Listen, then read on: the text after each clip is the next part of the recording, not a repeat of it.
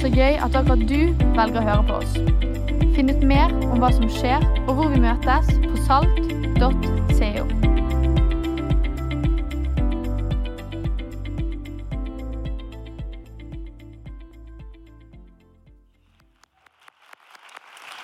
Tusen, tusen takk, Erika. Du er helt rå. Fantastisk. Fint å se alle sammen her. Det er fest og glede på gudstjeneste. Det var for de av oss som var med her i dag morges, en veldig spesial formiddag. fordi Vi fikk lov til å holde tre små babyer her. Og Av og til er det sånn at vi grør oss litt fordi at de gråter av og til. Men ingen gråt. Eh, Og jeg har nå tilbudt meg å passe alle. Eh, Så det, det, blir, det er helt kanon. Det er kjempegøy. Det, det som er gøy, Før i gamle dager så var det mest eh, unge folk i denne kirken. Og nå når jeg er blitt eldre, så er det mange eldre òg. Eh, så, så vi koser oss veldig med det. Jeg vet ikke med ditt liv, men, men hvis du tenker på livet ditt i dag, og så tenker du på alle dagene som du lever i, så vil jeg anta at på visse tidspunkt i livet ditt så har det skjedd en episode, en hendelse, eller du har truffet noen folk som gjør at du liksom Oi sann! I den situasjonen, da, da skjedde det noe med deg som endret litt kursen, eller gjorde at du så verden utenfor, og kanskje du også så deg sjøl på en annerledes måte. De fleste dagene våre er jo ganske like hverandre. fordi at Vi står opp om morgenen så gjør vi greiene våre, og sånn, men til tider så skjer det sånne øyeblikkshendelser som endrer livene våre. Det er to konsepter av tid som er viktig for oss. og På gresken så står det om kronos. og Kronos det er den tiden vi for det meste lever i. Det er timene, og så er det kalenderen.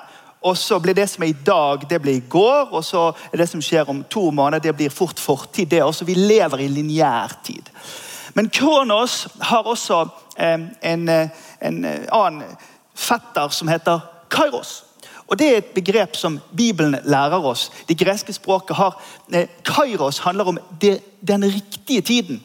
Det som i bibelspråket gjerne kan kalles for, for, for, den, for Guds tid. Altså det at Gud får den riktige tiden for å gjøre noe i livene våre. Så Kronos handler om kvantitet, og Kairos det handler om kvalitet. Kronos handler om det som fort ble i går, men Kairos handler om øyeblikket. Jesus Kristus han ble hengt på et kors for 2000 år siden. Så ble han lagt i en grav i tre dager, og så sto han opp igjen på den tredje dagen. Og Bibelen lærer oss at den kraften som, som reiste han opp fra de døde, den, den lever enn i dag. Det er en kraft som fins i Kronos. Det som gir Gud muligheten til å sende et sånt sjokk av liv og lys og endring inn i øyeblikkene i livet vårt. Noe som endrer våre liv. Og Vi har akkurat fått døpe Samara her, og i dag morges fikk vi døpe en, en voksen mann. og Hver for seg så forteller de en historie om at ja da, livet det går, men, men Gud skrudde på lyset på et tidspunkt. Han endret noe på innsiden som gjorde at det ble skrudd i en litt annen retning. Kairos handler om at vi blir medskapere med Gud. Så når vi står og synger lovsang i den kristne kirke, eller vi ber i den kristne kirken, og vi opplever disse åndelige treffpunktene med Gud, så er det akkurat som om Gud kommer og så stanser han tiden litt, og så hjelper han oss å se virkeligheten om oss sjøl og i verden omkring oss. Forfatteren Madeleine Langle hun sier det på denne måten. At Kairos er det tidspunktet som bryter gjennom Kronos med et gledens sjokk. Tidspunktet vi ikke registrerer mens vi erfarer det, men bare i etterkant. I Kairos øyeblikk er vi helt uten selvbevissthet, men paradoksalt klart mer virkelighetsnære enn når vi kontinuerlig sjekker klokkene våre for kronologisk tid. Erfaringen av å møte Gud eller å bli møtt av Gud skjer med kjendiser og vanlige folk. Det skjer med fattigfolk og rikfolk, det skjer med professorer og ateister, og det skjer med troende og søkende. Det finnes ingen empiri for hvem som er nestemann ut. og Det er det som er så skremmende med at Gud er overalt, og at Jesus Kristus i går og dag og til evig tid den samme. Plutselig så er det der et sånt et Kairos-øyeblikk for meg så innrømmer jeg at jeg eh, var en, en vanlig fjasete tenåring som gikk på kristent møte. og Så satt jeg bakerst i en hall, og jeg fjaset og tullet. og Plutselig så kom det en dame i 20-årene bort. Jeg aner ikke hvem den damen er. Jeg husker ikke innholdet i det hun ba, for, jeg ba, ba med meg for, men hun sa til meg kan jeg få be for deg. Og bare I det øyeblikket der så bare Det var som om, det var som om tiden bare sto stille. Og Gud bare fikk tent noe på innsiden. Det er akkurat som om Gud bare tok kompasset og så bare stilte han inn en ny kurs for mitt liv. Helt ubegripelig, ufattelig minne som jeg har inni meg. Ikke intellektuelt, men bare et minne som jeg har inni meg. Et Kairos-øyeblikk. Disse Kairos-øyeblikkene de er med å endre livene våre. C.S. Lewis, som mange kjenner som den som har skrevet Narnia-bøkene. Han var ateist, professor på Oxford-universitetet. Og Han ønsket på ingen måte å bli en kristen. og Han skriver at han ble overrasket av glede.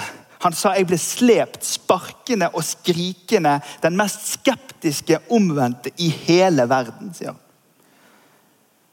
Sankt Augustin, en ung munk som klarte å slippe unna med å ha en elskerinne når han var munk.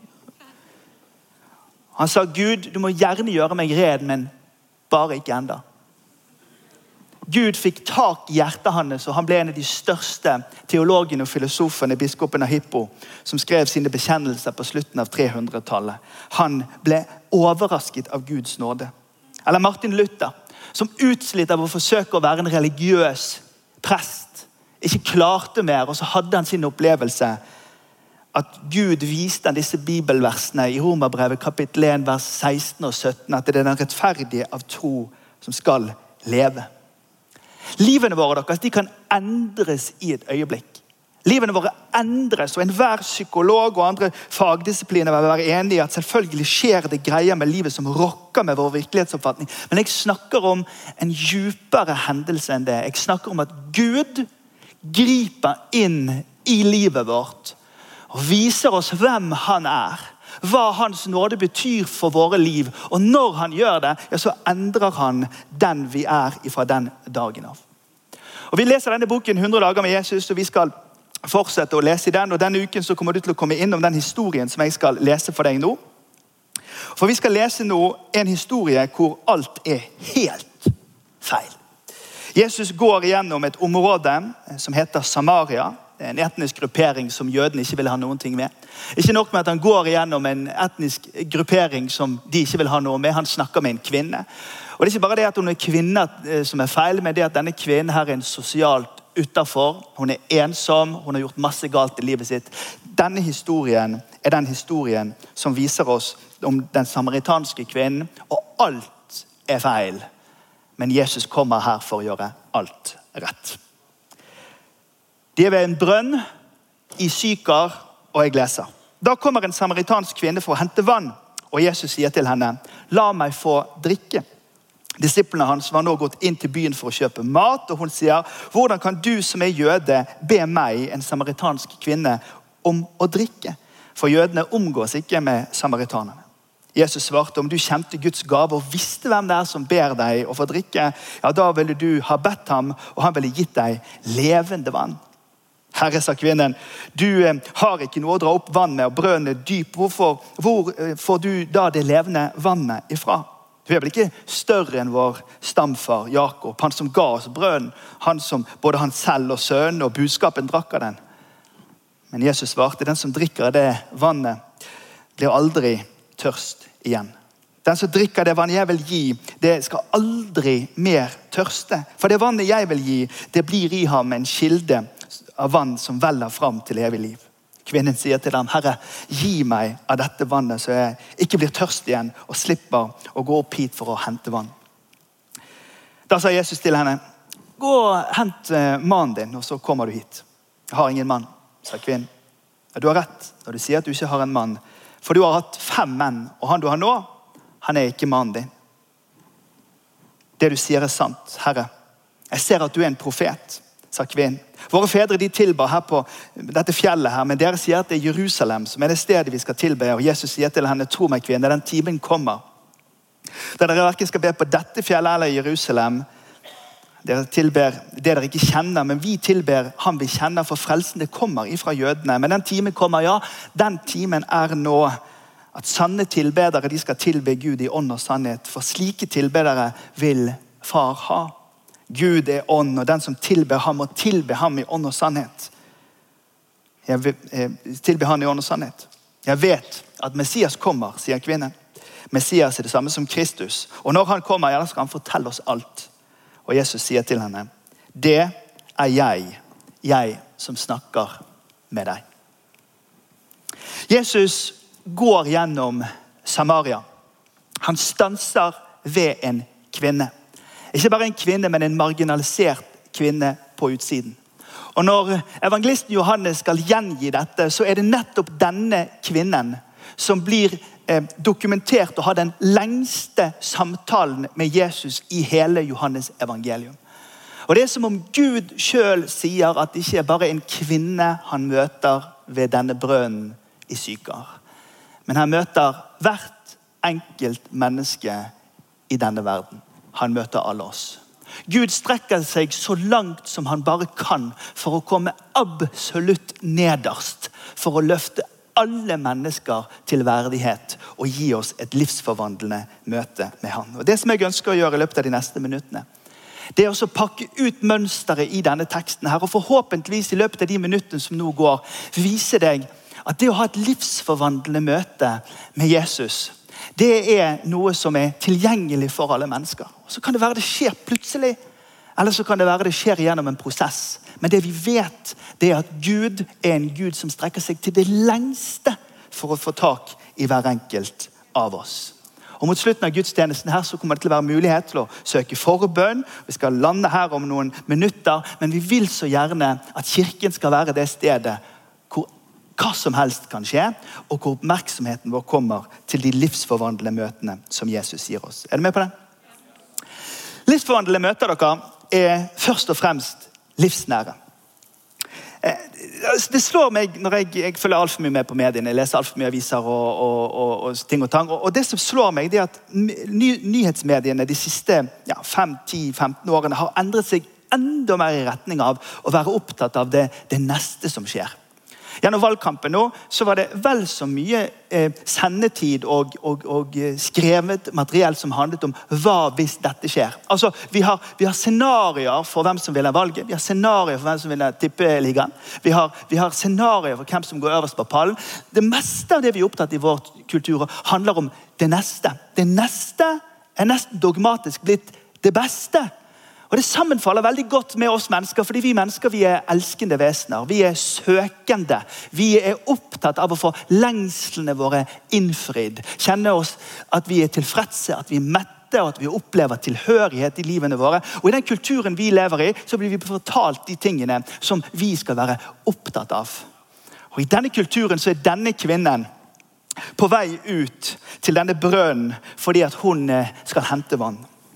De andre kvinnene de hadde allerede vært ute og hentet vann. For kvinner på denne tiden gikk ut tidlig om morgenen før solen sto høyt. Eller de gikk når solen hadde gått ned. og Dette var også en sosial hendelse for disse kvinnene. De kunne gå ut og prate med de andre damene og oppdatere hverandre. Men denne kvinnen kommer når solen står høyest på himmelen, hvor det er varmt ute, fordi hun håper at hun ikke skal treffe noen andre. Hun er kvinne. Hun er sosialt marginalisert. Men det er like fullt denne kvinnen Jesus kommer til. Han kommer i livet til denne kvinnen fordi han ønsker nært på hennes liv å møte henne med nåde. Og så har de en samtale. Og Det at Jesus prater med denne kvinnen, det er veldig interessant. Jeg har reist en del i, i, land i eh, det globale sør og i Asia. Møtt fattige eh, ute på landsbygda eller i byer. Og En av de interessante tingene med å møte folk som er djupt fattige, det er at eh, veldig ofte så eh, har de en attitude eller en holdning av at de må stille opp for seg sjøl. Så de er frimodige, de spør om penger, de ber om penger, de, de, ser det rett i øynene, de vil ha noe. Og det er akkurat som jeg merker at Det må være noe av det samme som preger denne kvinnen. her. For Når hun stiller spørsmålet, så er hun nysgjerrig. Vi vet jo ingenting om stemmeleie eller kroppsspråket, men hun er frampå. Hun, eh, hun, vil, hun vil vite, og hun, hun hun, hun, spør Jesus hvordan kan du be meg om noe å drikke. Eh, hvor skal du få det levende vannet ifra? Du er vel ikke større enn vår stamfar eh, Jakob? Altså, hun er framme i sandalen. altså. Og De fleste teologene som analyserer denne teksten, sier at hun er ikke sarkastisk. Hun er ikke, eh, hun er ikke retorisk. Men hun bruker Hun er litt utrent sosialt. Så hun bruker humor om litt alvorlige ting. fordi at stamfar Jakob var en big deal i denne kulturen. Men det vi lærer, det er at denne damen her er en dame som er i krise. Hun har ryggen mot veggen. Hun, har, hun er framme i skoene eller framme i sandalene. eller frem, Hun er i hvert fall på tærne. Hun er, hun er på fordi at eh, hun vet at det er mange som mobber henne. Det er mange som sjikanerer henne. Det er mange som, som, eh, som snakker bak ryggen hennes. Hele hun er av så mye skam at hun er nødt til å agere i møte med Jesus. Vi vet, vi som driver med livssyn og religion, vi vet det at eh, det er som oftest når mennesker er i livskriser, at de søker kristen tro i voksen alder. Når sykdom treffer, når eh, kamp og relasjoner og økonomi og ting blir vanskelig i livet, ja, så snur vi oss til Gud og spør hvis du fins, kan du komme og hjelpe meg. Og Det er derfor vi ser at i en velferdsstat som vår, hvor økonomi og velferdsordninger er så gode som de er, ja, så blir vi da automatisk mindre religiøst orienterte, for vi får møtt våre behov på andre måter. Derfor er det så lærerikt for oss å ta til oss innsikten ifra hva som skjer ved denne brønnen denne dagen. For vi som lever i den vestlige verden og vet at det er faktabasert faktakunnskap som treffer hodet vårt, som er viktigst, det er den øverste statusen av kunnskap vi innhenter. Så Det er lurt for oss å ta en skikkelig titt på det som skjer her. fordi at denne damen får faktisk fatt i en innsikt som de intellektuelle og lærde ikke får tak i. Bare i kapittelet før så får vi treffe en mann som heter Nikodemus. Som blir presentert med navn og tittel, og hele CV-en hans er klar der. Men han treffer Jesus om natten. Og Det er et litterært virkemiddel som Johannes bruker når han skriver når han skriver om natten. så skriver han om de som ikke skjønner helt. Han skjønte ikke helt.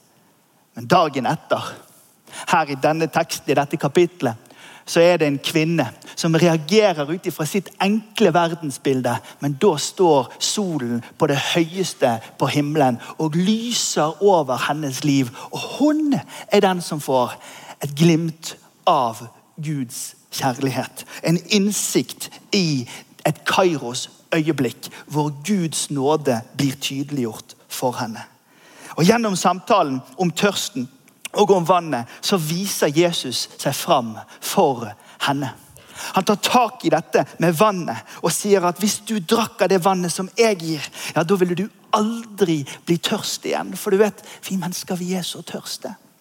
Vi lever jo i en kultur og i en tid hvor det er veldig viktig med, med, med utdannelse og med status meningsfull fritid, relasjoner. Er opp, vi er opptatt av alle disse tingene som er viktige i vår del av verden. Det, det, forsterkes gjennom det vi blir fortalt i avisene og gjennom utdannelsen og i familiesystemene. Hvorfor? Jo, fordi at vi mennesker vi er elskende mennesker. Vi er lengtende mennesker. Vi er søkende mennesker. Og vi leter dessverre ofte på de feile stedene for å bli mett på innsiden. Men den tørsten, den sier Jesus. Om du slutter å tørste etter alle de andre tingene, så kan du få alle de andre tingene, men sørg nå for at du, du drikker deg utørst hos meg, sier Jesus.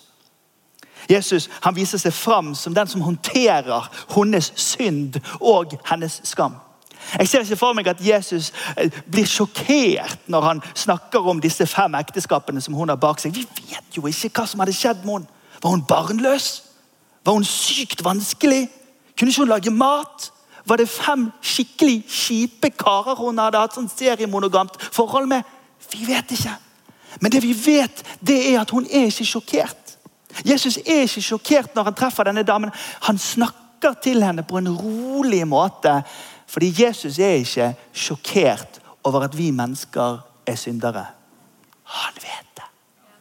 Han vet at du og jeg strever, og han vet at vi kler på oss en hel masse med greier for å skjule det for de andre. Kristin er en dame i kirken vår. Hun er en flott dame som kom til menigheten vår når vi møttes ned på Riks her for noen år siden. Hun sendte meg en mail, og hun skrev dette. Jeg husker første gang jeg kom til denne kirken. All erfaringen min fortalte meg at jeg ikke kunne gå i kirka om jeg ikke hadde alt på stell. Ikke var god nok og gjorde for mye feil og levde feil. Jeg tenkte alt det rotet der, det må jeg fikse først. Men så var det noe inni meg som dro meg dit allikevel. Skeptisk, men med et håp om noe mer. Jeg husker den gangen det var det første pastoren sa fra scenen, var at det var mange som tenkte at de måtte være gode nok for å komme til kirken, men at det absolutt ikke var sånn det skulle være. I kirken så skal man få komme som man er, og bli møtt av kjærlighet. Det tok lang tid før jeg var trygg på at han og resten av kirken mente det han sa fra scenen. Men jeg fikk den tiden jeg trengte, og jeg ble møtt. Ikke på en perfekt måte, men jeg ble møtt av mennesker som brydde seg om meg der jeg var. Og jeg valgte å bli. Og har fått et nytt liv pga. det. Den dype forandringen kommer ikke når vi prøver å skjerpe oss i egen kraft, men når vi blir elsket der vi er, ja, da blir vi mer lik ham. Du vet, Jesus han går helt inn i Samaria. Opp til sykersbrønnen, Midt på lyse dagen. Og snakker med kvinnen som er marginalisert og i utenforskap for å vise oss at alle vi som forsøker å pynte på våre liv, faktisk kan bare slippe garden og vite at han bryr seg ikke så veldig. Det står i Romerbrevet 5,8 Gud han viser sin kjærlighet til oss ved at Kristus døde for oss mens vi ennå var syndere. Det er det som er så godt med Gud, at han kommer til oss der hvor vi er. Og Til slutt i samtalen så sier hun jeg vet Messias kommer. Messias er det samme som Kristus. Og når han kommer, ja, så skal han fortelle oss alt. Og så sier Jesus, det er jeg. Det er jeg som snakker med deg nå. Det at han hang på det korset og ble lagt i den graven i de tre dagene og sto opp igjen, har gjort at Gud har kommet inn i denne verdenshistorien med Kairos-tiden.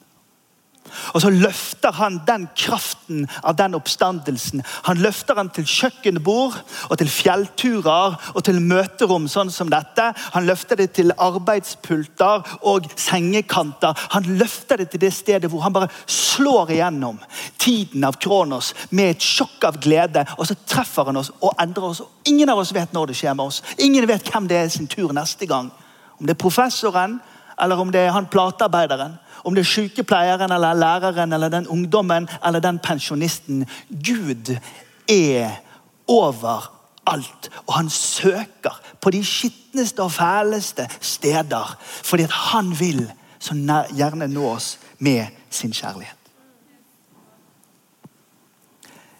Jeg tror ikke at Maria Mena tenkte på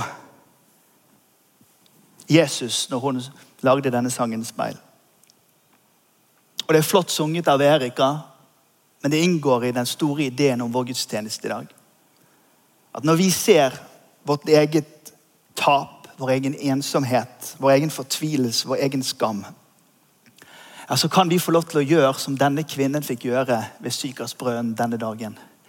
Vi kan få stirre på Han som sier du skal ikke være ensom lenger. Du skal ikke trenge å skamme deg mer. Du skal ikke trenge å gå nedbøyd og lide av utenforskap. Se heller på mitt ansikt som i et speil. Og så speiler Jesus tilbake igjen sin nåde til oss. Nå lot hun vannkroken sin stå, og så gikk hun inn til byen og så sa hun til folk kom og se en mann som har fortalt meg alt jeg har gjort. Han skal vel ikke være Messias? Og Så dro de alle sammen ut til byen og kom til ham. Du vet, Hun gikk ut dit klokken tolv på formiddagen cirka, fordi at hun skulle ta vann med seg tilbake igjen uten å møte motstanden og mobbingen fra de andre. Men nå lot hun kokken stå. Og så gikk hun med en diksjon og med en nyhetsformidling og med, med, med, med, en stemmeleie som gjorde at de andre faktisk hørte på henne når hun annonserte. Og Historien viser oss videre at mange kom til tro på henne pga. det som skjedde her. Vet du, Det som skjedde med denne damen, det var at hun hadde et Kairos-øyeblikk. Et øyeblikk hvor Guds øyeblikk fant sted i hennes liv. Og Hun skulle fortsette å leve hun i den landsbyen der. Hun skulle fortsette å gå og hente det vannet men nå på en oppreist måte. Vet du, Denne damen hun så ikke bare Jesus denne dagen. Denne dagen så, så denne damen også seg selv.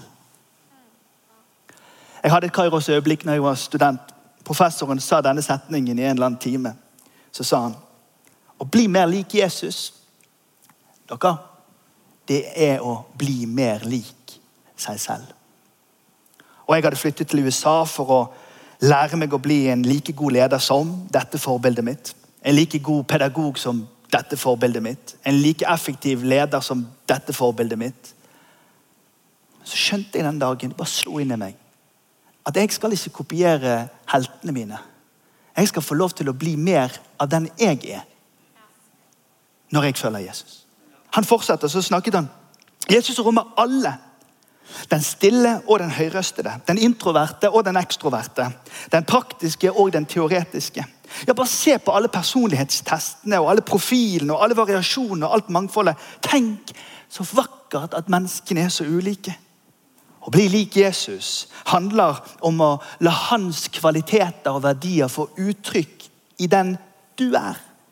Å bli mer lik Jesus er ikke å kopiere de andre, men å tillate at originalen får lov til å stige frem.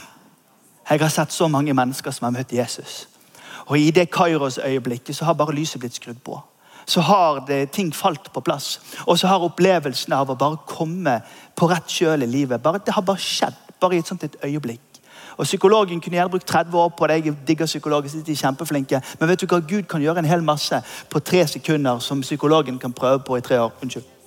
Eh, men, men, det er helt fantastisk. fordi når Kairos-øyeblikkene slår inn, så forandrer han våre liv. Denne historien som jeg har lest for deg her i dag,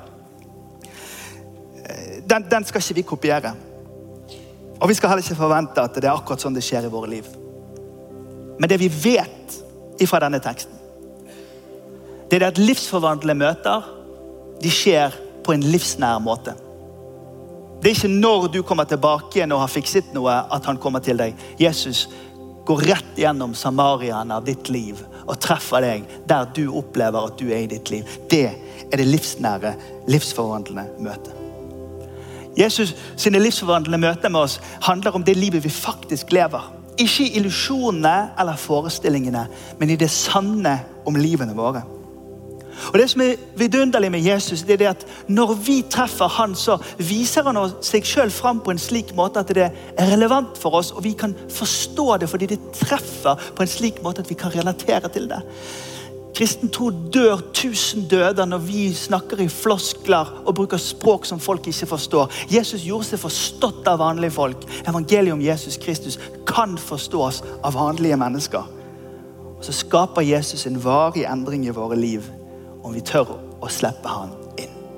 Skal vi reise oss opp, og så skal vi be sammen her mot avslutning.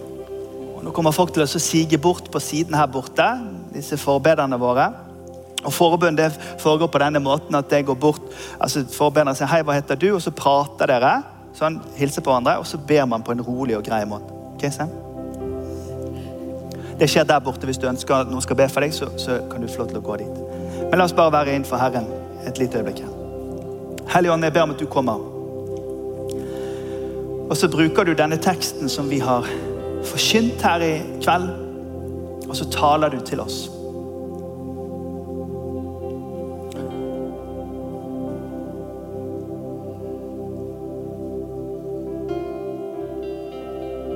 Så bare hører du etter nå.